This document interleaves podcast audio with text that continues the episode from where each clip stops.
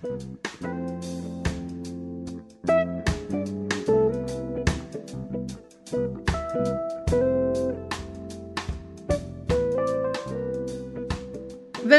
till avsnitt 15 i Sångarpodden. Avsnittet spelades in i september 2019. Om henne har det sagts att till och med hennes rygg har en magisk utstrålning. Hon är en klart lysande stjärna på vår svenska körhimmel. Hon var elev till den legendariska Erik Eriksson. Idag är hon professor vid Kungliga Musikhögskolan där hon också har varit rektor. Vi väntar på professor Cecilia Rydinger.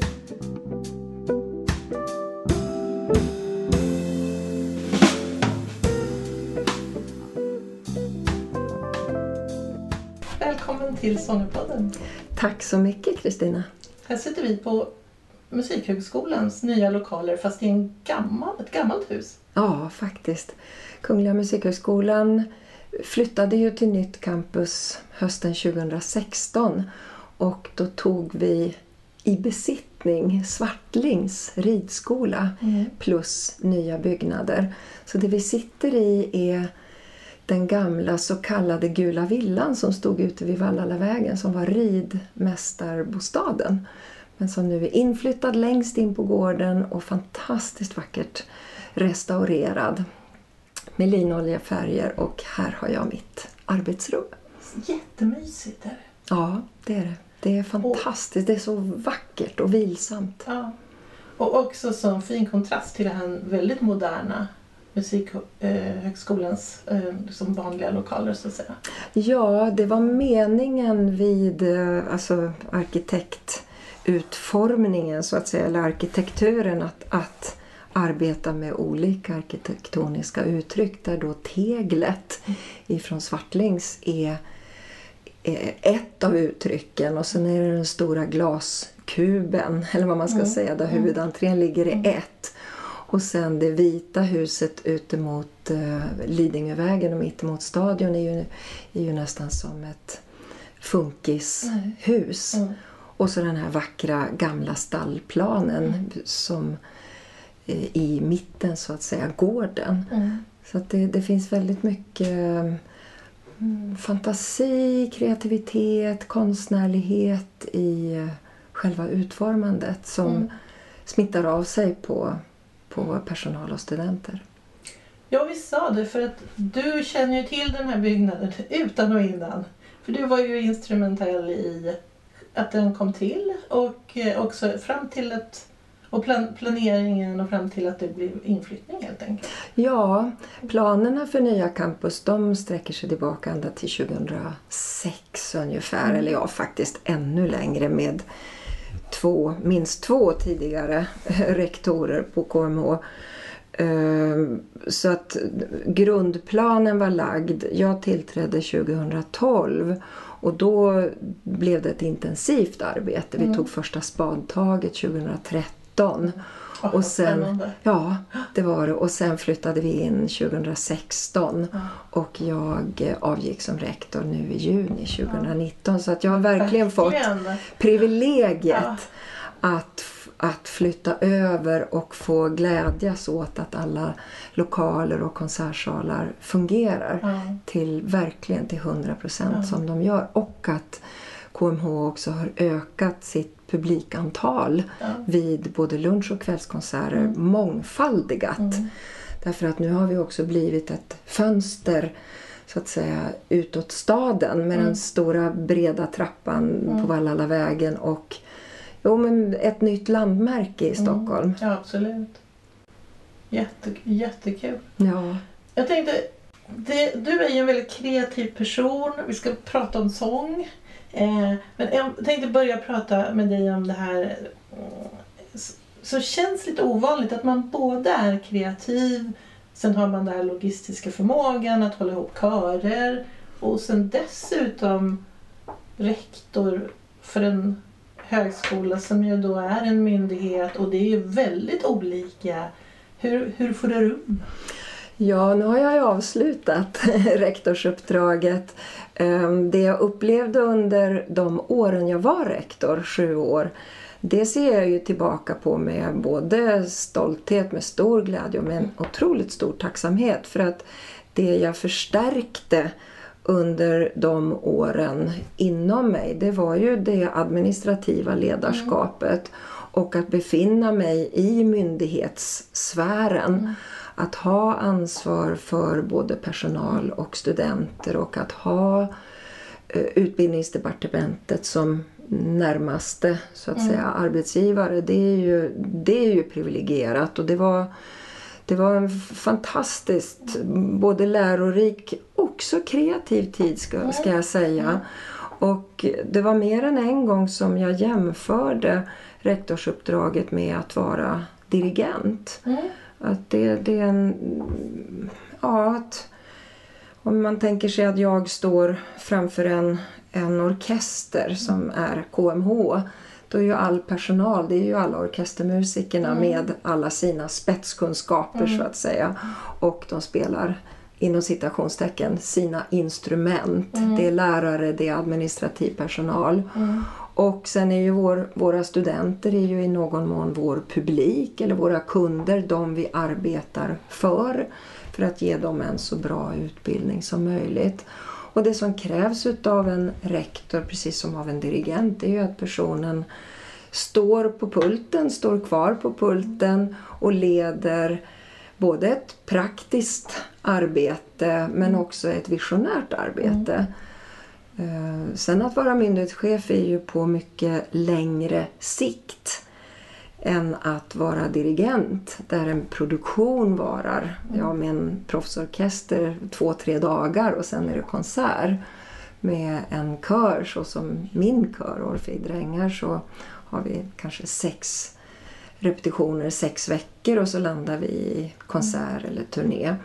Men, men eh, i rollen som rektor så tar vi ju in studenter och doktorander och där är ju bågen mycket längre. Mm. Så att det gäller ju också där i, i en sådan roll att, att vara väldigt närvarande i nuet, i alla de dagliga möten som, som har förevarit och att vara strateg och mm. blicka mm. framåt.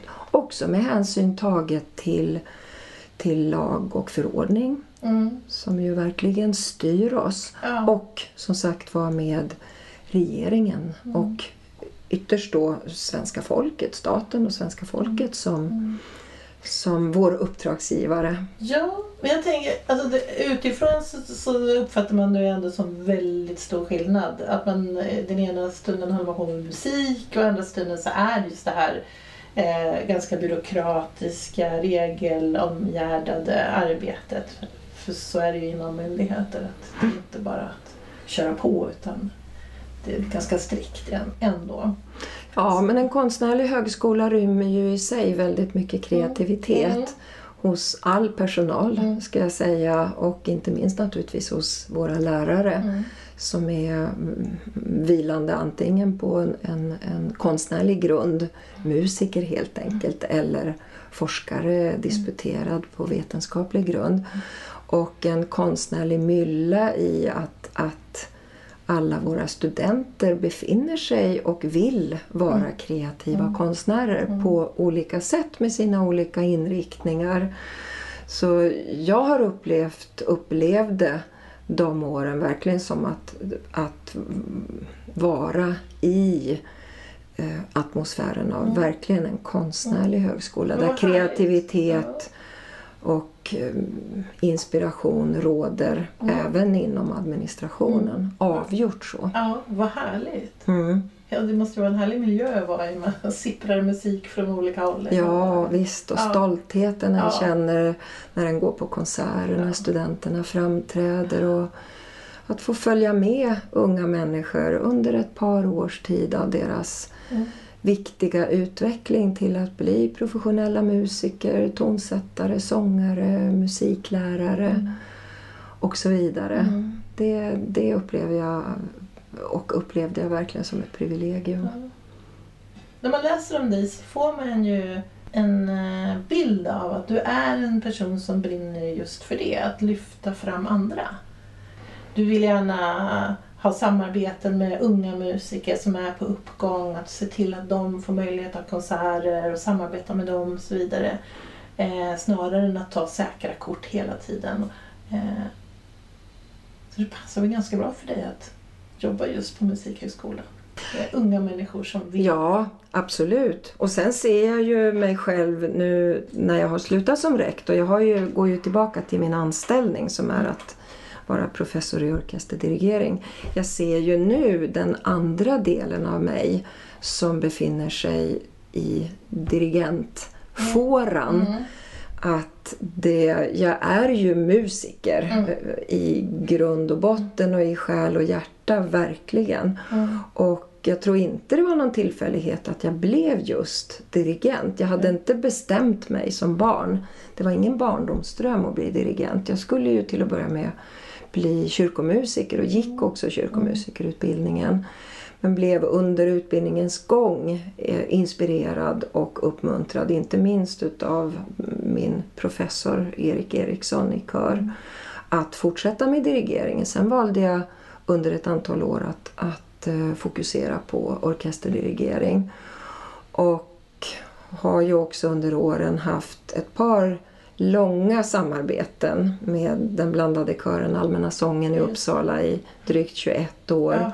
Och nu lång- ja, Ja. och nu Orfid Drängar Ja. sedan 2008 så Ja. att vi har ju påbörjat vårt tolfte år nu tillsammans.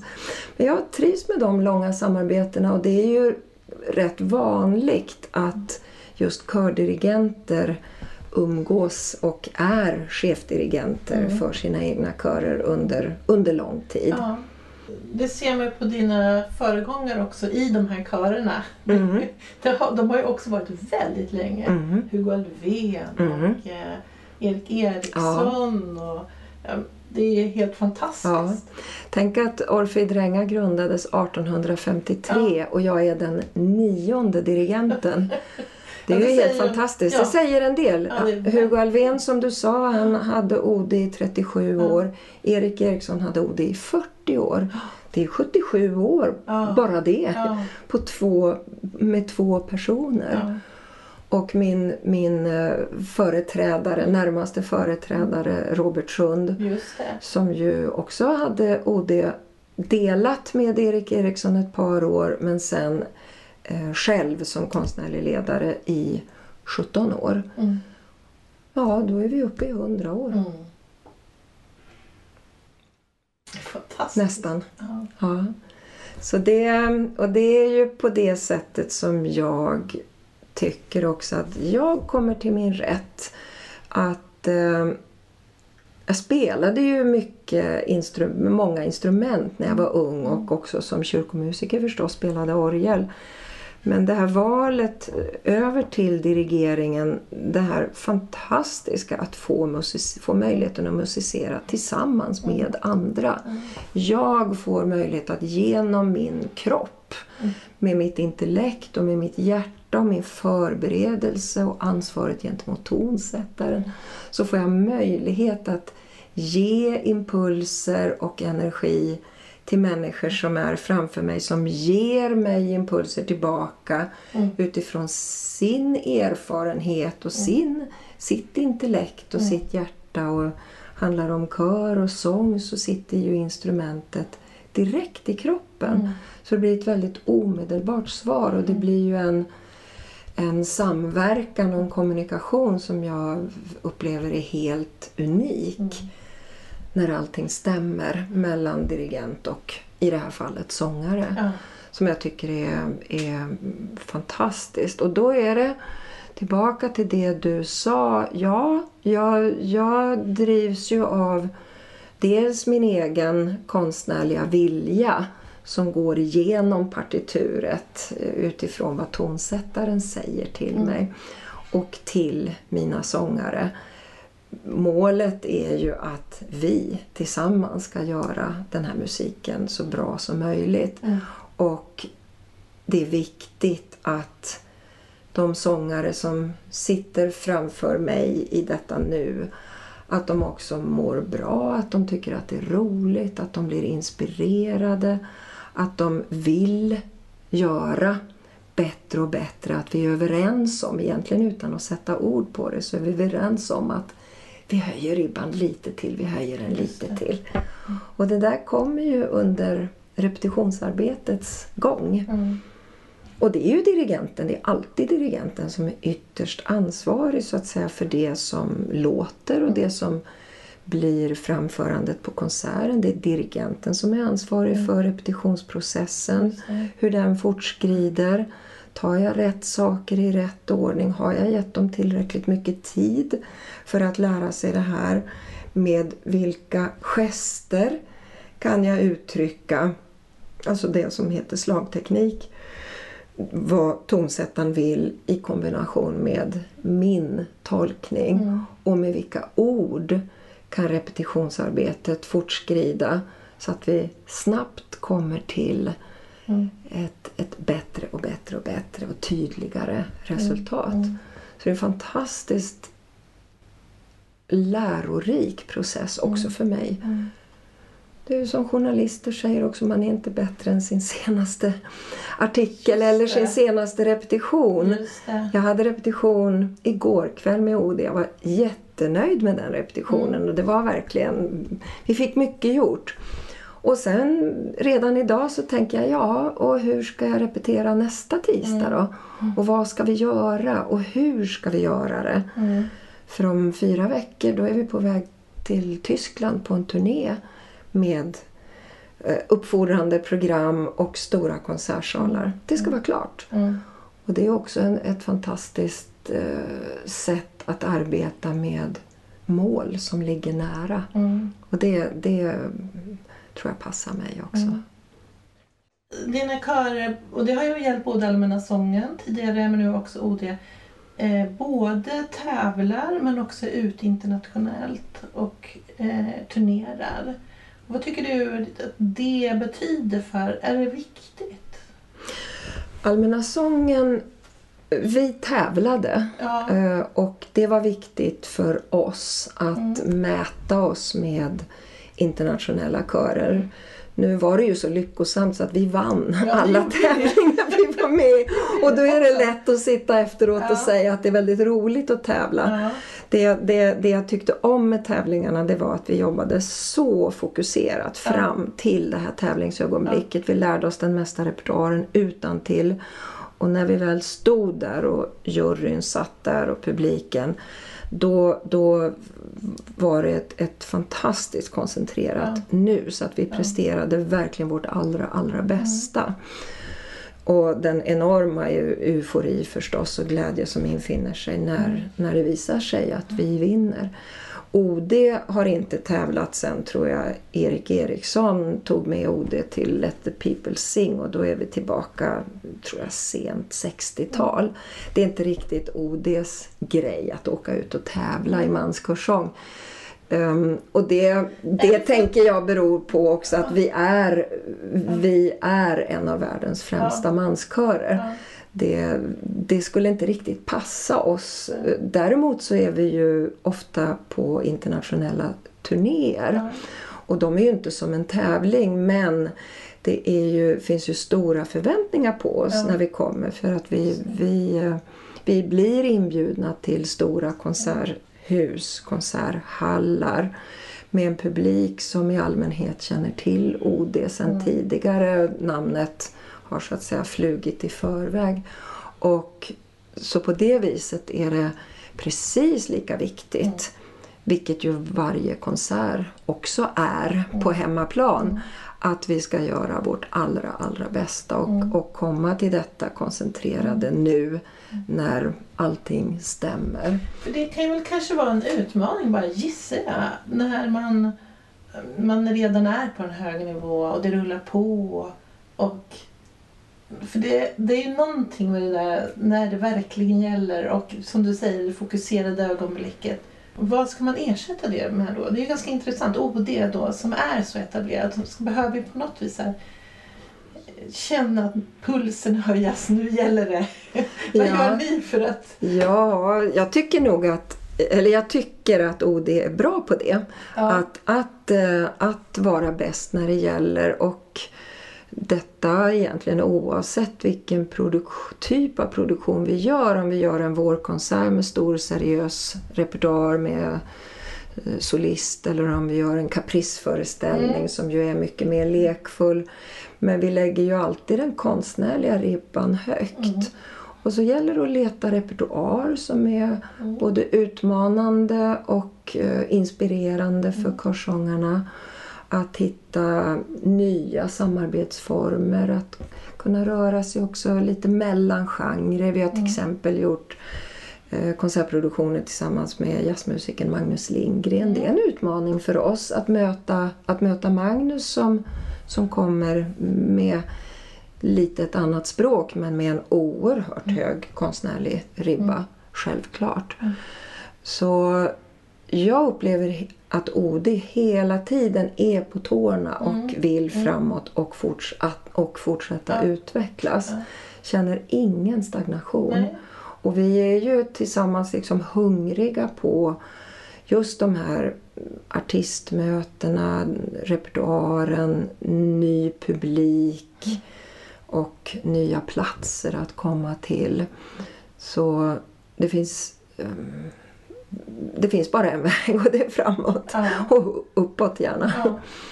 Så det är ju en otroligt stor glädje och den, den eh, och det bärs ju också naturligtvis utav alla, alla sina sångare och av att alla vill detta lika mycket. Mm. Ja, det är fantastiskt att också bara det att hålla ihop en kör så Mm. länge. Men det är ju förstås Mm. så att det är väl är det prestige att vara med i OD. Ja, det är det. det ja, Så. det, det står högt upp Ja. på många eh, unga mäns listor att, att eh, söka till och komma med Ja. i OD. Och vi är ju i grunden ungefär 80 aktiva sångare vid varje produktion. Ibland fler, ibland något färre. Mm. Och eh, med ett stort åldersspann. Och det, jag slås ju också utav det så som du beskriver att det är, en, det är något helt unikt i en obruten kedja ända från 1853. Det är nästan fysiskt så att man ärver tidigare generationers noter. Man antar funktionärsposter som ordförande eller bibliotekarie eller intendent som människor har haft, Ja. innehaft ända sedan 1853. Mm. Och den här klangen som, som är unik för OD, den går också i arv. Det finns liksom en kultur i OD som förs vidare från sångare till sångare. Och verkligen ett, eh, ett stort privilegium. Så upplever jag att, att mina sångare eh, känner och även jag att få vara under en viss tid av Ja. våra liv så är vi länkar i den här obrutna kedjan. Det är, något, det är något stort i det Mm. tycker jag också. Att, att engagemanget också för att OD ska fortsätta Mm. finnas och utvecklas, det har funnits ända från början. Ja. Eh, du pratar om klang, eller nämnde klang. Det måste vi ju prata om. Manskörens eh, speciella för, liksom, möjligheter och, eh, och du säger att OD har en speciell klang. Mm. Ehm, någon har sagt att manskören eller OD är som en orkester av röster. Och det tycker jag är en bra beskrivning. Manskörsklangen kan ju på ett helt unikt sätt till exempel nyansmässigt gå från alltså det allra, allra, allra, allra svagaste du kan tänka dig. Med första tenorerna i falsettröst, verkligen mycket mjuk falsett. Och växa till tordöns styrka. Och att det finns en varm kärna i, i ODs klang. Och jag skulle också säga att den är ju, dels är det ju ett resultat av den kultur som har utvecklats. Och jag är helt säker på att Hugo Alvén gjorde ett enormt arbete med Odis klang. Han förde ju in också svårare repertoar och sen kom Erik Eriksson under sina 40 år och lyfte ju kören till enorma höjder. Både vad gäller Eh, repertoarrikedomen eftersom så många tonsättare skrev för Erik Erikssons körer. Eh, alltså nybeställningar. Också numerären turnéerna, allt detta som utvecklar en ensemble. Jag skulle också säga att, att det är ett resultat av att vi i Sverige har en god tradition av att barn och unga sjunger, får möjlighet att sjunga. Mm. Om det är i barnkörer i kyrkan eller om det är i skolan eller kulturskolan. Och de här unga männen som söker till OD, de har i allmänhet sjungit ja. i, i, sen de var barn. Och i kulturskolan eller musikgymnasier, estetiska gymnasier, en del har, har en bakgrund i gosskörer. Så att de är väl skolade med mm. naturligt vackra röster så mm. som så som den svenska traditionen har utvecklats mm. i, i fråga om sång. Och det, det kommer vi ju tillbaka till, mm. du och jag, under det här samtalet. Och det, det är ju någonting som, som jag är väldigt, väldigt tacksam för. Mm. Uh, och att, um, ja, att grunden är lagd så att säga mm. från barn och ungdomstid. Mm. Och att, att unga män sen väljer att söka till Orfejdrängar. Och, och när de så börjar i OD, de kanske har sjungit i en ungdomskör, de flesta har ju sjungit i en blandad kör tenor eller basstämman. Några har sjungit i gosskör där de kanske också har varit med uppe i herrstämmorna. Men, men det en del av dem beskriver det är ju det här att man blir inbäddad mm. när man kommer till Ode i den här enorma klangen. Och man är inte en utav fyra tenorer, mm. första tenorer, utan man är en av 20, man är en av 40 i tenorstämman. Eller man är en av 25 andra basar. Ja men det är ju en underbar ja. känsla. Ja. Och jag ser ju varje år när de nya bröderna, som mm. vi kallar dem, eh, gör sina, tar sina första toner i kören. Mm. Hur liksom pupillerna vidgas. Och det, det sprids ofta ett stort leende av den här aha-upplevelsen. Här är jag nu i den här enorma klangen. Och verkligen som sagt var bli inbäddad i den. Det är, Ja, jag är ju inte man så att jag, jag får ju inte sitta... Där. Men jag står där och jag tar emot det. Ja, och jag är ju den som verkligen har, har möjligheten att, att höra helheten. Mm och ta ansvar så att säga mm. för helheten. Är det någon hemlighet kring liksom hur många, du sa 40 eller 20, hur många av varje stämma? Ja, vi har ju som ambition att vara 20 första tenorer, 20 andra tenorer, 20 första basar och 20 mm. andra basar.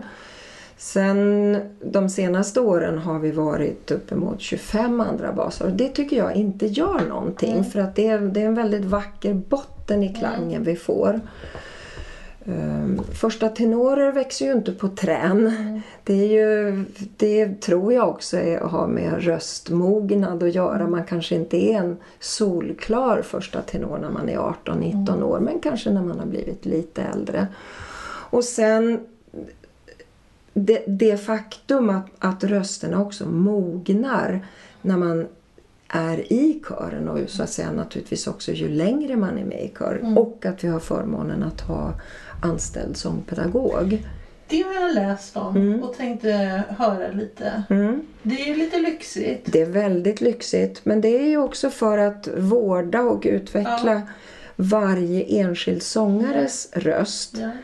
Och vilket blir, resulterar i en, i en utveckling utav körens klang och också uttrycksförmåga och att man är medveten om också vad inte bara vad stämbanden och rösten gör utan det har ju med andning och kroppshållning, koncentration att göra. Så vi har ju haft, alltså som jag vet om eh, så har vi haft väldigt fina sångpedagoger i tenoren Anders Andersson, tenoren Christer Solén under tio års tid.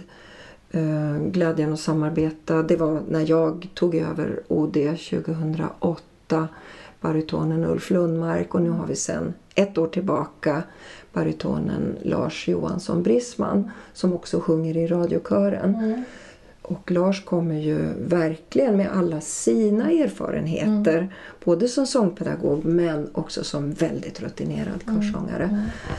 Så i tillägg till det arbete som dirigenten gör så är ju sångpedagogen en viktig person. Mm. Och sen har vi också en väldigt rutinerad och viktig person i vicedirigenten Folke mm.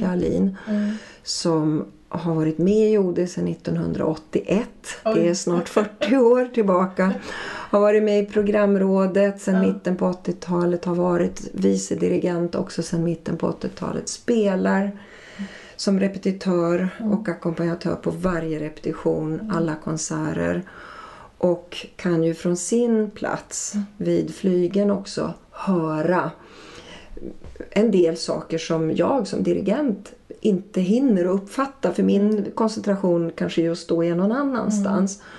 Och då kan Folke ställa sig upp och säga att nu hörde jag det här det. och så vidare. Plus att han, att han har arbetat med oräkneligt antal professionella sångare genom åren för mm. han har också varit kormästare och repetitör på Stockholmsoperan. Mm. Så att vi tre mm. tillsammans, vi blir ju en trojka mm. som på olika sätt um, ger instruktioner och utvecklar kören och att kören, sångarna i kören känner sig trygg mm. med den här trojkan. Mm. Att de får olika inputs och sammantaget så är det en trojka som, som har en vision. Mm. Det låter fantastiskt måste jag säga. Mm. Det är som man blir lite avundsjuk. Man skulle vilja vara en av de där sångarna. Ja. ja men jätteroligt. Tankarna med OD nu framöver, vad drömmer du om när det gäller OD? Jag drömmer om att vi ska fortsätta utvecklas ja. och det gör vi allihopa, ja. både styrelse och programråd och den konstnärliga, konstnärliga ledning som ju består av mig och vice dirigenten. Folke Alin. Uh, och det handlar om att nå ny repertoar, mm. att, att um, fortsätta eh, vara det kända namn vi är, det, mm. det kräver ju fortsatt arbete. Ja, att fortsätta turnera och att eh, bredda vår publik mm. på olika sätt. Hur kan vi göra det? Det är ju mm. sånt som ett, ett ständigt pågående mm. tankearbete.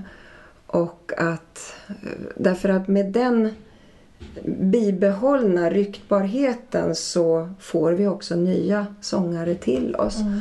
Att i den, med den regelbundenhet som vi önskar också få göra stora verk tillsammans med orkester. Det har vi ju gjort mm. genom alla år ska jag säga och de senaste åren ett flertal stora produktioner med Esa-Pekka Salonen och mm. Philharmonia Orchestra mm. och en milstolpe eh, i ODs historia när vi fick möjligheten att göra Stravinskys Oidipus Rex mm. sceniskt med eh, Peter Sellars som mm. regissör i Aix-en-Provence i Frankrike 2016 och på Stockholmsoperan Östersjöfestivalen 2017. Mm. mm. Det var någonting helt mm. unikt. Mm. Jag var så starkt berörd utav mina sångare och deras förmåga att en komplicerad, att, få, att lära sig hela verket utan till och en väldigt komplicerad regi och koreografi till och med. De gjorde mm. olika rörelser nästan på varje mm. stavelse i sällskap med Peter Sellars och att Esa-Pekka Salonen och Philharmonica, Philharmonia Orchestra mm. hyllade det här mm. samarbetet. Mm. Och därefter hösten 2017 gjorde vi det andra stor, riktigt stora verket Sibelius Kullervo. Mm. med Göteborgssymfonikerna och deras nya chefdirigent Santo Mattias Rovali och det var ju absolut världsklass. Mm. Hela sammanhanget Mm. var världsklass. Mm. Och eh, att fortsätta på det Mm. och med viss regelbundenhet eh, ha orkestersamarbeten. Mm. För det lever vi på länge. Det blir ju, det blir ju ett, ett utvecklat sätt för oss som kör att uttrycka oss Mm. med orkester och med eh, framstående dirigenter. Mm. Så det, det är roligt. Mm. Det arbetar vi vidare på. Det måste också vara roligt att verkligen kasta sig från det ena Ja, till det andra. Absolut. Ja. Capriceföreställningen är ju, är ju ett bra exempel på, på det. Mm. Där vi ju varje år sedan 1962 Mm. bjuder in två gäster som är hemliga för Mm. hela publiken. Man köper sina biljetter in blanco. Vi fyller universitetsaulan fem gånger under helgen andra advent. Det är 9000 personer Mm. som ser den här föreställningen. Bra. Och det är ju två gäster där vi gärna ser kontraster Mm. mötas. Och det, det kan vara klassiska sångare och musiker som möter komiker eller som möter skådespelare. Eh, Malena Ernman tillsammans med Thomas von Brömsen, Mm. Peter Mattei med Helge Skog, Ja. Petra Mede med Olle Persson och, och eh, förra året var det ju Rickard Söderberg tillsammans med Per Andersson från Grotesco. Mm. Och det är ju det är mycket, ligger väldigt mycket arbete Ja, bakom förstår. Capriceföreställningen. Och det, men vi upplever att det, det blir lyckade möten mellan musiker och människor, de här artisterna som kanske inte skulle ha träffats annars. Mm. Och att vi får både leka och vara allvarliga och att vi har publiken med oss i det, det flow som uppträder Mm. under Capriceföreställningen. Så den är ju, det är ju en helt unik konsertform Ja. som, eh, som kräver sitt. Sångarna måste lära sig mycket utan till. Ja. De måste också kunna röra sig. Och, och så, men man får ju otroligt mycket tillbaka. Ja. Nej, men jag var, för många, många år sedan bodde jag många år i Uppsala. Så det, jag känner ju själv väl till Caprice-formatet. Och man har ju en känsla av att det, hela stan är på fötter. Man måste köa enormt länge för att Mm. få biljetter. Och, och då tänker man, visserligen kan det ju ligga någonting i det. Att det är svårt att få biljetter så att det blir, Mm. man håller upp. Men samtidigt visar det också på en, en, vilken efterfrågan på den här formen av Mm. föreställningar. Ja, Så egentligen skulle man ju kunna utöka det. Ge föreställ- de föreställningarna i Stockholm eller andra större Mm. de andra större Mm. städerna eller så. mm. Fast det kanske är en Uppsala-grej. Det är en Uppsala-grej. Ja. Vi, gjorde, vi hade ju jubileumsåret 2012. Mm. Då var det 50 år sedan första kapricen och där fick vi möjligheten att lyfta över den föreställningen som vi i Uppsala gjorde med våra vänner Trio X, Mm. jazztrion, till att bli Kungliga Filharmonikernas 13-dagskonsert med symfoniorkester. Nej, symfoniorkestern då på plats och då hade vi ju, då hade vi ju både Ola Salo, Elin Rombo och Henrik Dorsin som gäster så vi hade slagit på stort det Underbart. året. Det var helt Ja. fantastiskt. Och den 13-dagskonserten sändes också i TV. Mm. Eh, Så att några föreställningar har eh, återupprepats. Den, det fanns den gamla klassiska föreställningen med Tage Danielsson och Ingvar Bixell. Den har ju gått på TV ett antal Mm. gånger. Från 84-85 någonting. Mm. När de gjorde den också på Musikvisiljan. Så, men, men det finns också någonting unikt i det där som du beskriver att det, det händer bara där och då. Eh, De här fem föreställningarna och sen, sen river vi dekoren så att Just säga. det. Och det är ju ibland så där som konsten fungerar. Mm. Att den är både evig och samtidigt så, skit, Just. så är den borta. Mm. Och så får man ha minnet av den. Mm. Det är nog vackert i det också. Ja, det, ja, är det. Och sen är det ju fantastiskt att det lever, alltså, ni lyckas år ut år Mm. Decennium efter decennium. Mm. 50 år. Mer än 50 Ja, år nu nu. är det ju mer än 50 Ja. år. Det blir ju 50, vad är det nu, 57 eller 58 året nu, någonting sånt. Jo, men det vi möter, vi möter alltid publik som säger att det här var den bästa Caprice jag varit på. Så nästa år så säger de det här var den bästa Caprice jag varit på. Så det, det, det, det ger ju oss belöning också eh, förstås. Det, nej, det är väldigt, väldigt roligt. Och jag menar för mig som dirigent, jag möter ju också personligheter och de här gästerna då som jag, som jag förmodligen inte skulle samarbeta med annars om det inte vore för just det här formatet. Jätte, jätteroligt. Mm. Det fortsätter. Ja, det gör det. Ja, härligt. Du, jag tänkte fråga en eh, sak eh, om vi hoppar tillbaka till tidigare år. Jag tänker så när du, du blev ju väldigt tidigt, eh, det heter väl sånganförare i Allmänna sången. Fast det är som att vara Mm. mm. sånganförare. Men då tänker jag, hur... eh, För du utbildade dig egentligen till kyrkomusiker i det, samma... eh, Ja, i samma veva. så hur, de där åren innan, hur, vad gjorde du då för att få eh, ta hand Allmänna om sången. Allmänna sången? Ja, jag började på Musikhögskolan 1981. Gick kyrkomusikerutbildningen till 86. Ja. Sen så skulle jag bara spänna bågen lite grann eh, och se om det där med dirigering kanske var någonting för mig. Och då hade jag ju Erik Eriksson Ja. som lärare. Så att jag gick två år i det som då hette ensembleledarklassen.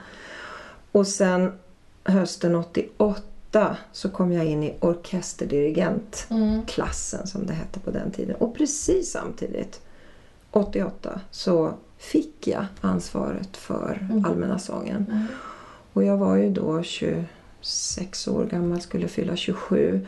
Så det var ju en present i knät. Och då hade jag också... Men det är så fantastiskt. Ja, det, det är fantastiskt. För att jag tror inte att jag hade suttit här idag om inte, Nej, det om inte detta med Nej. Allmänna sången hade, hade hänt. Och jag hade ju då också under musikhögskoleåren sjöng jag i Musikhögskolans kammarkör som Erik Eriksson ledde. Med all den stora repertoaren som Erik också gjorde med både radiokören och Erik Erikssons kammarkör. Och repertoar som han förde ut över hela världen och tonsättare som skrev beställningsverk för Erik Eriksson och hans körer.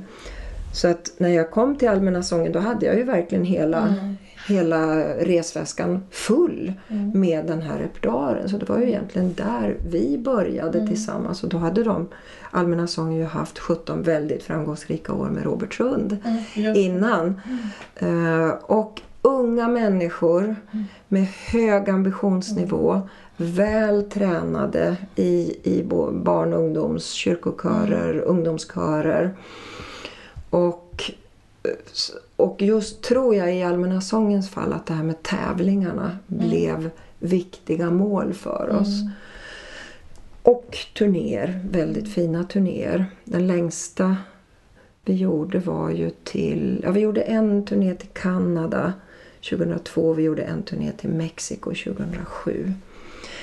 För mig var det, det var helt fantastiska Mm. år Mm. tillsammans med Allmänna sången. Jag lärde mig väldigt mycket och fick ju väldigt mycket tillbaka vilket ju liksom startade min karriär så att säga som, som kördirigent och parallellt då från i, under 90-talet så, så dirigerade jag ju orkestrar och var chefdirigent vid det som då hette Musikteatern i Värmland som nu Just heter det. Värmland Opera Ja. i Karlstad mellan 94 och 1998. Och det var för mig eh, också väldigt lyckliga år. Mm. För att där fick jag ansvar för en egen orkester. Värmlands Sinfonietta. Mm. Värmland Opera och Orkester heter de ju nu.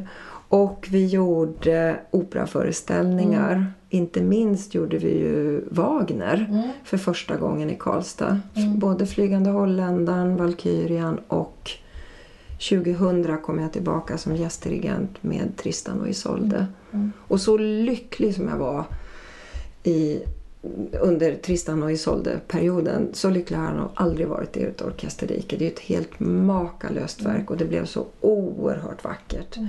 I den här lilla teatern i Karlstad. Så de åren är jag också väldigt glad över. Att ha fått det ansvaret och det förtroendet med en egen orkester där vi kunde också bjuda in gäster till konserter. Drill Group, Lena Willemark, Sven-Bertil Taube med flera till, till våra orkesterkonserter. Och så de här fantastiska operaproduktionerna i tillägg. Mm. Det, det gjorde att jag växte väldigt mycket och, som dirigent och i um, förmågan att uttrycka musik. Opera är ju fantastiskt när, när allt stämmer. Mm.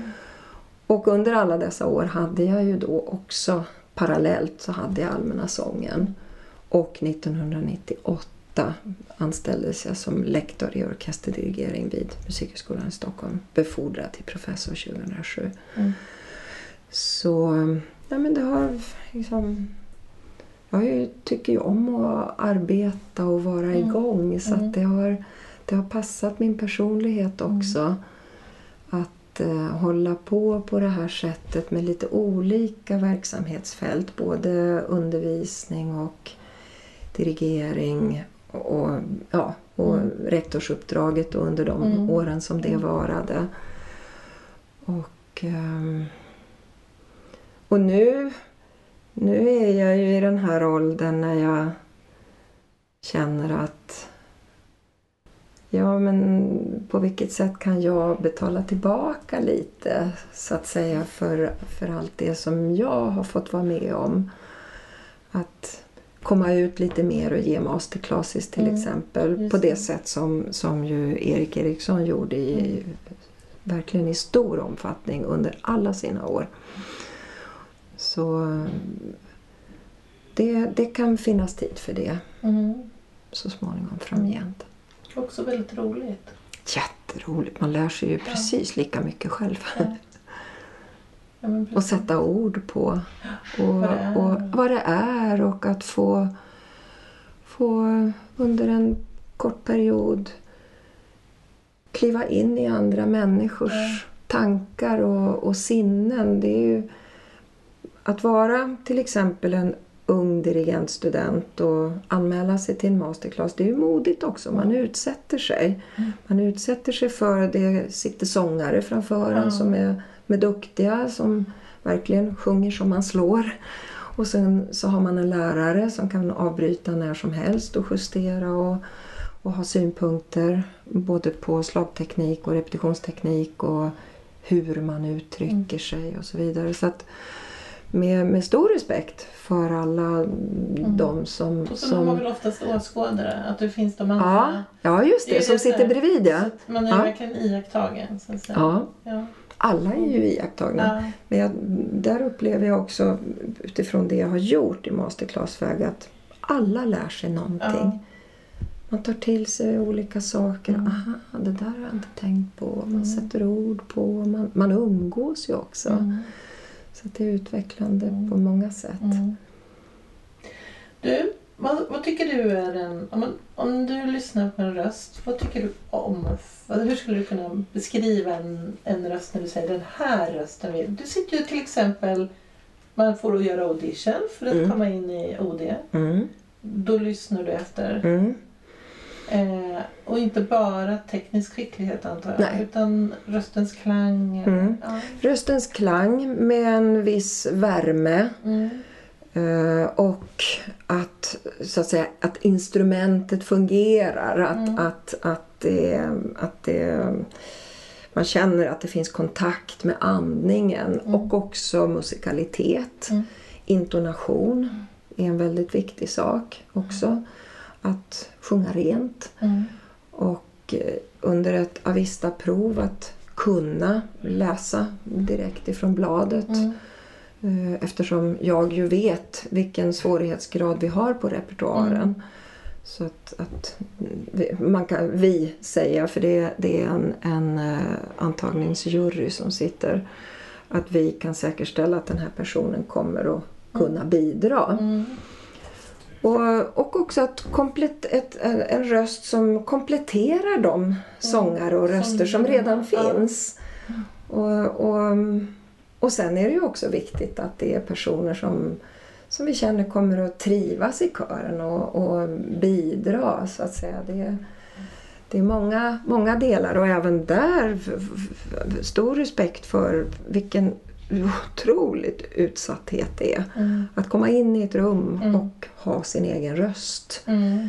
som att frambringa. Ja. Det, så det, det är modigt. Ja. Och, men det, men det, det vi kan göra är ju att vara så vänliga som möjligt så att vi, Precis, de det går inte känner att komma de... runt det där riktigt. Man Nej, måste nej. måste våga. Ja, man måste våga. Mm. Och ta ett djupt andetag. Ja. ja, men det är svårt att beskriva tänker jag. Men eh, det är spännande det här med vad det är som gör att man tycker om en. Du säger med en viss värme. Men ja, vad är det som är vacker röst och vad inte? Ja, det är unikt. Mm. Det, det, det finns ju något unikt i varje röst precis som det finns i varje möte människor emellan så är det ju någonting unikt Mm. och då är det, då är det någonting som så att säga kommunicerar Mm. och ibland inte kommunicerar. Så det kan ju vara, det kan vara personligt och därför är det ju också så viktigt i, i inträdesprov att vi sitter en hel jury. Ja. Så att, vi, att våra Mm. mm, synpunkter eh, som kan vara olika ska kunna landa i ett beslut. Så att det inte är en person som bestämmer. Det, jag, jag tycker det är viktigt det här med, med att, att lyssna in hur upplever andra Mm. det här. Mm. Du, jag har en annan fråga. Jag pratade en tidigare intervju här var med Zoe Finer som då är jazzsångerska Mm. som uppträder ibland tillsammans med kör. Mm. Så hon sjunger som solist kan man säga. Mm. Och när ni, eh, vad, vad skulle du säga, det, ni uppträder ju ofta med solister, andra sångsolister med olika genrer. Och vad är det som funkar? Jag känner att det skulle kunna gå åt skogen helt enkelt. Det blir inte, passar inte helt enkelt. Är det någonting särskilt man ska tänka på då som solist när man... Nej, det tycker inte jag. Eh, att man behöver tänka något särskilt som solist. Alltså de, de sångare vi möter ur olika genrer, Mm. de, de beskriver hur, hur inspirerade de blir av Mm. att få den här stora klangmassan bakifrån Just. och framåt. Och att, att vi kan sjunga i olika genrer. Och, och sen kan det ju skilja på om vi är i, en, i ett konserthus där vi sjunger rent akustiskt. Till exempel som vi ska, vårkonsertens gäst som också ska med till Tyskland, sopranen Kristina Nilsson. Mm. Som ju har en, en väldigt stor och fantastiskt vacker röst i sig. Där behöver ju inte vi vara förstärkta på något sätt utan där smälter ju våra Mm. respektive röster faktiskt samman. Och i ju, mitten på juni så, så samarbetade vi med eh, diskokungen Andreas Lundstedt och det var jätteroligt. Då kunde vi sjunga Shut Up, ja, Shut Up and Dance tillsammans med Andreas och det var, det var Wow. väldigt roligt. Ja. Då var vi ju uppmickade. Ja. Och det förändrar inte oss jättemycket. Det är klart att de inte sjunger med exakt samma röster, Shut Up and Dance, som Nej. de gör i, i ett, eh, att ackompanjera en operaaria. Eh, som Casta Diva eller någonting. Men, men eh, det är inget fel på inspirationen gällande de här olika genrerna. Mm. Det går att, det går att anpassa. Mm. Och, och att, att en sån som Andreas tycker att det är roligt att sjunga med oss. Jag skulle Wow. jag velat höra hur... Ja, Varför missar man det? ja det, det? Det var, vi var i eh, Västerås konserthus och sen var vi på Parks, i Parksnäckan i Uppsala. Ja, Ja. 15-16 juni. Mm. Ja. Nej men det var roligt. Mm. Så att eh, det ingår liksom i, i både mitt och sångarnas uppdrag Mm. att ha den här flexibiliteten. Du har några tips till de som lyssnar? De flesta som lyssnar är ju själva sångare. För att mm, fortsätta vara en bra sångare eller utveckla sig som sångare. Vi har Ta- pratat om den här eh, eh, sångpedagog... Eh, Ta lektioner. Ja. Det är faktiskt mitt, mitt första råd. Mm. Och även om man inte känner sig så vältränad så är jag helt säker på att det finns sångpedagoger för, för var och en så att säga och, och en, en möjlighet att utveckla sin röst och, att, och också befria någonting. Alltså att man blir berikad som, som människa.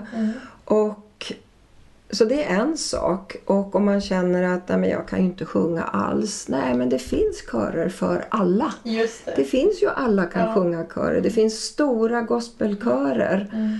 som, eh, som bygger på att kom med här för här har vi roligt. Det det. finns inte det är inga inträdeskrav, du behöver inte kunna sjunga rent och så vidare. Men kom med därför att det är det, är ju, finns ju mycket forskning som helst på hur, hur um, bra vi mår utav körsång Mm. och hur mycket som, som befrias inom oss Just av endorfiner och annat. Helt enkelt ett, ett välmående och den sociala gemenskapen.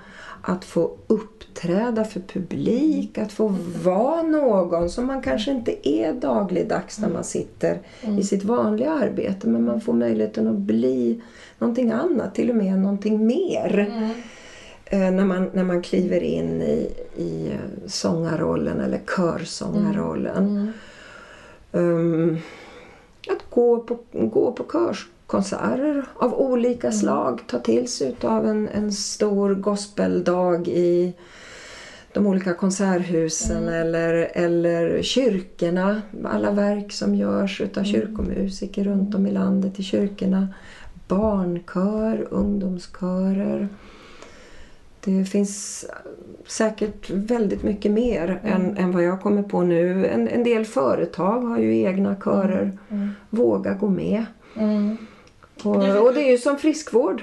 Oh, oh ja, vi hade ett avsnitt som vi, när vi pratade med Töres Theorets, Ja, just Det. var ju otroligt intressant. Om man Ja. inte har lyssnat på det så ska man absolut göra det. Ja. Det är ju nästan eh, ja, det är helt fantastiskt Mm. vilka hälsoeffekter Mm. musik men framförallt Mm. sång har. Så Ja. det är bara att ge sig hän. Och det är ju många som, som sjunger. Men jag tänker så här, man, det kanske också som man känner att man stagnerar, man kanske inte tycker att man utvecklas. Men då är det ju bra idé att man tar en lektion Mm. då och då och kanske eh, försöker träna någonting så att man känner att man Mm. utvecklas. Mm. Mm. Jag tänkte på en sak till som, eh, som jag tycker skulle vara, vara fint att beröra eller att prata en liten stund om och Mm. det är ju vad kommer egentligen det här Swedish Choral Miracle Ja. ifrån? Ja. Den svenska körklangen Mm. som ju har verkligen gått på export ut i världen. Och, och, alltså, Svenskar har nog varit ett sjungande folk rätt länge. Vi kan ju gå tillbaka till, till både kyrkan och när frikyrkorna kom och folkskolan, man sjöng alltid och så vidare. Vi har ju alltså i socialdemokratins begynnelse, där var det ju verkligen ett, ett starkt uttryck. Mm. Manskörer inte minst. Mm. Om jag tittar på där jag växte upp i Ludvika i Dalarna, hela Bergslagen var ju fullt med manskörer. Mm. Och blåsorkestrar. Mm, och studiecirklar och Folkets hus och folkhögskolor och så vidare. Allt, he, alltså hela det här med bildningsbegreppet Mm. som, ju, som ju sprang verkligen ur socialdemokratin. Sen, sen ser vi en, en väldigt tydlig startpunkt i 1945 Mm. när Erik Eriksson startade sin kammarkör. Den hette ju Kammarkören väldigt länge och sen blev den Erik Erikssons kammarkör. Och redan 1951 så tog Erik Eriksson över Orfej Drängar och började genast att arbeta så att säga upp körens kvalitet. Och sen kom ju arbetet med radiokören i 30 år. Han var professor på Musikhögskolan i nästan 40 år.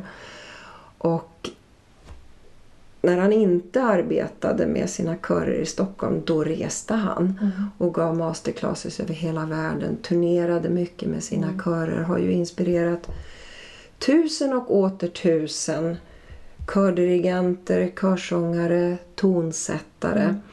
att att eh, lära sig Mm. om, om eh, den svenska körklangen och körtraditionen och det som Erik Eriksson stod för och utvecklade så alltså verkligen vitt omfattande. Mm.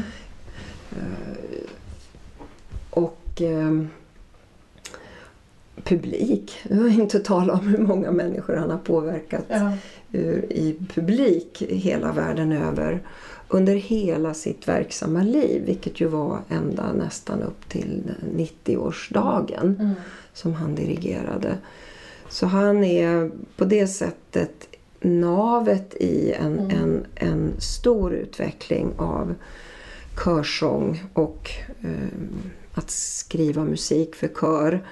Att, och den kombinationen han ägde av att, att föra upp kör och körsång på högsta professionella nivå. Inte minst med sin kammarkör och radiokören naturligtvis. Och att det heter orkesterdirigent men varför säger man körledare? Varför kan man inte säga kördirigent? Att, att, ha ett, ett, att det är ett lika värde i att vara kördirigent och kör som att vara orkesterdirigent framför en orkester. Att han samtidigt under hela sin levnad hyllade och arbetade på amatörkörnivån. Mm. Och åkte ut i landet och inspirerade amatörkörer. Och, och verkligen fann stor glädje i också att arbeta med amatörer. Han, han såg sig aldrig för fin för det. Nej. Vad är det då med körklangen? Vad gjorde han? Han? Han arbetade ju väldigt medvetet med balans mellan stämmer, med intonation, med ett litet vibrato Mm. som han liksom kunde värma upp lite. Skruva på det där vibratot lite grann när han ville ha det lite större och också göra det lite svalare om han önskade det. Eh, Han var otroligt noggrann med text, både texttolkning men också med hur man säger orden. Och han kunde också säga att ja, jag tror nog att svenskan är nog egentligen det vackraste språket att sjunga på. För vokalerna ligger så långt fram, det är väldigt klara vokaler. Så att det, det, den klang som, som Erik Eriksson utvecklade med då framför allt sin kammarkör och med radiokören, den gick ju på export. Så att många körer världen över har inte härmat men har anammat, kanske man ska säga, traditionen och repertoaren Mm. som kom med honom. Den här jättekofferten med, med eh, repertoar från alla tider. Faktiskt, för han var också otroligt intresserad, inte bara utav det nutida och romantiska utan direkt efter kriget åkte han ju med några vänner ner till Basel och studerade renässansmusik. Mm. Och eh, där tror jag mycket av det här intonationsarbetet, noggranna intonationsarbetet som han sen drev genom hela livet grundades med den tidiga musiken. Eh, med madrigalsång och så vidare.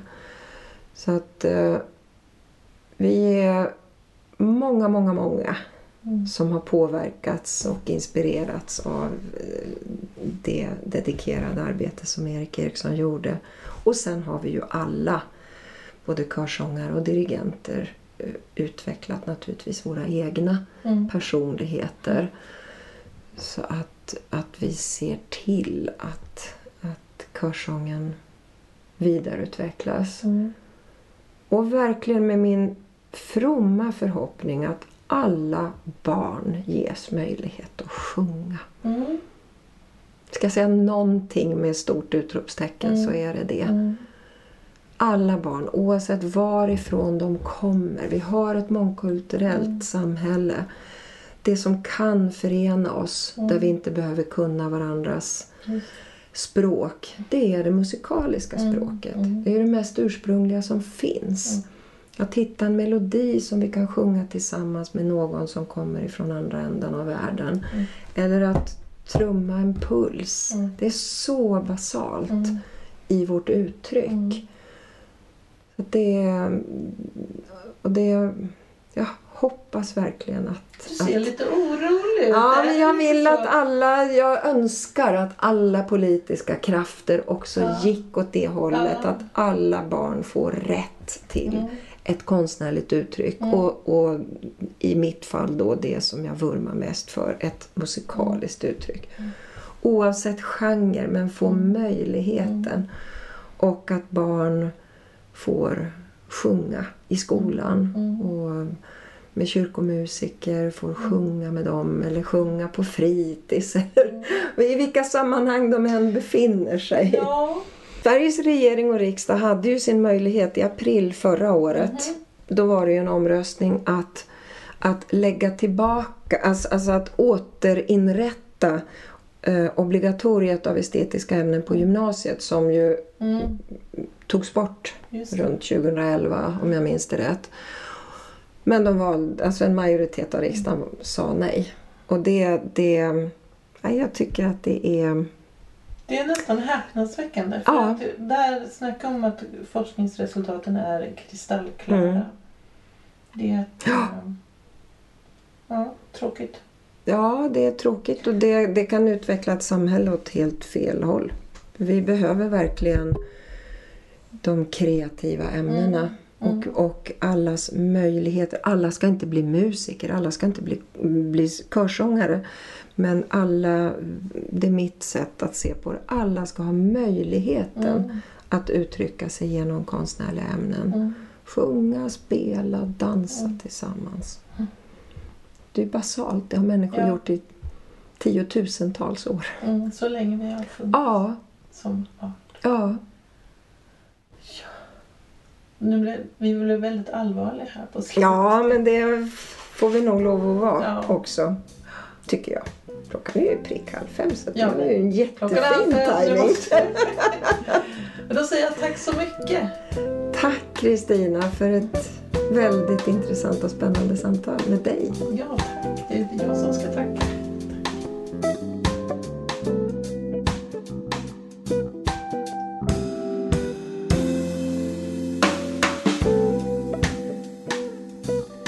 Du har lyssnat på Sångarpodden.